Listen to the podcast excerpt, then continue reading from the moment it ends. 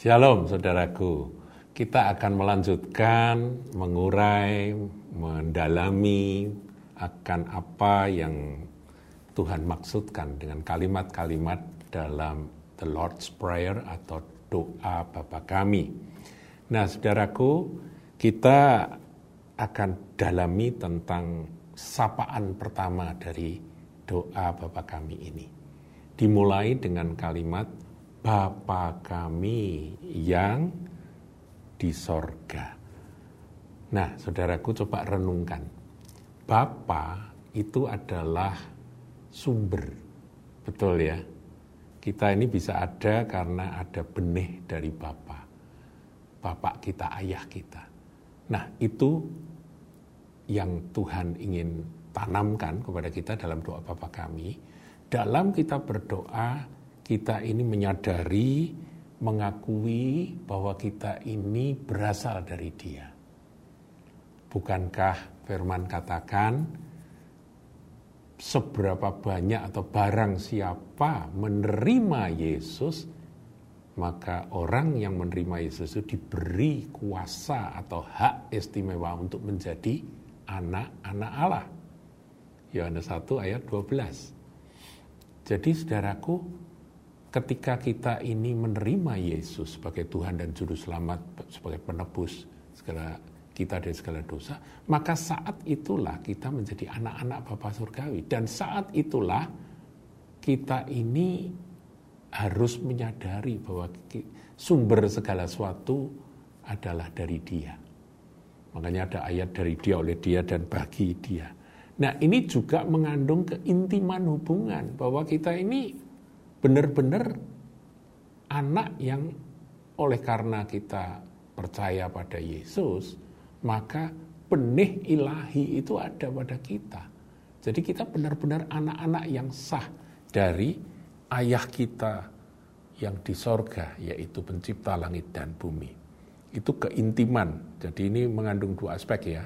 Bapak kami yang di sorga itu, kalimat itu mengandung dua aspek. Yang pertama adalah bahwa dari dialah kita berasal dan kita menyapa dia dengan sebutan yang paling uh, mesra dan paling intim yaitu ayah, papa, father, apa.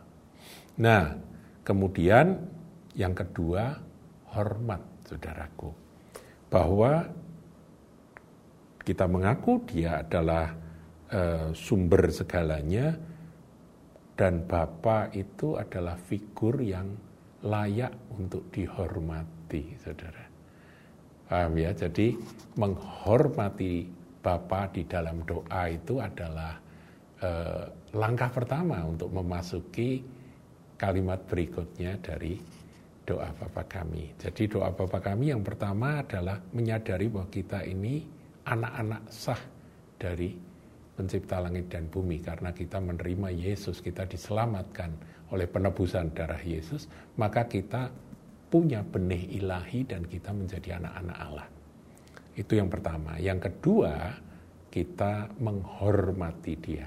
Bapa itu sosok atau figur yang harus dihormati. Nah, kemudian kalimat berlanjut dengan dikuduskanlah namamu. Kata dikuduskan itu artinya dihormati atau disembah. Jadi penyembahan itu merupakan prioritas utama di dalam pelayanan kita. Jadi prioritas pertama itu adalah menyembah. Kita ingat saudaraku ya, Mazmur ini saya bacakan aja. Mazmur 22 Mazmur 22 ayat yang keempat bunyinya Saudara saya hafal ini ayatnya ya. Padahal engkaulah yang kudus yang bersemayam di atas puji-pujian orang Israel. Kata bersemayam itu enthroned, yaitu bertahta. Dia itu suci, yang kudus, dan dialah yang bertahta di atas pujian penyembahan dari umatnya. Saudaraku, hal-hal besar akan terjadi ketika umat Tuhan menyembah Dia. Karena apa? Ketika kita menyembah Dia, kita berhasil menyediakan tahta bagi Dia, maka Tuhan hadir. Nah, berkali-kali saya sampaikan, kalau dia hadir, semua beres, saudara ya. Semua urusan akan beres karena dia maha kuasa, maha segalanya, saudaraku. Jadi melalui pujian dan penyembahan yang tulus dengan pengertian seperti ini, sesungguhnya kita ini sedang menghadirkan akan kuasa tanpa batas itu. Karena Tuhan itu bertahta. Ya, raja itu kan bertahta, tapi tahtanya siapa yang bikin? Siapa yang menyediakan? Kita. Ya, sebab kata atau kalimat bersemayam ini dalam bahasa aslinya bisa juga dita, bisa juga terjemahkan dengan enthrone atau bertahta. Nah, saudaraku, kalau saudara membaca kitab Wahyu, maka gambaran tentang surga di kitab Wahyu itu isinya penyembahan, saudara. Penyembahan dan penyembahan ya. Jadi aktivitas utama yang ada di dalam kitab Wahyu adalah penyembahan. Saudara, ini harus kita uh, camkan, kita benar-benar simpan dalam hati dan praktekkan. Kalau saudara didorong oleh Roh Kudus untuk menyanyi, memuji Tuhan, lakukan itu di mana saja, kapan saja, dan khususnya di dalam doa-doa, naikkanlah pujian, tinggikan Dia, sembah Dia, muliakan Dia.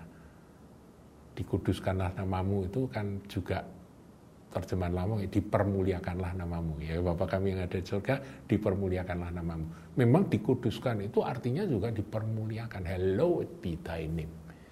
Nah inilah yang harus kita lakukan. Menyembah dia. Karena dia memang layak untuk disembah. Haleluya. Tuhan memberkati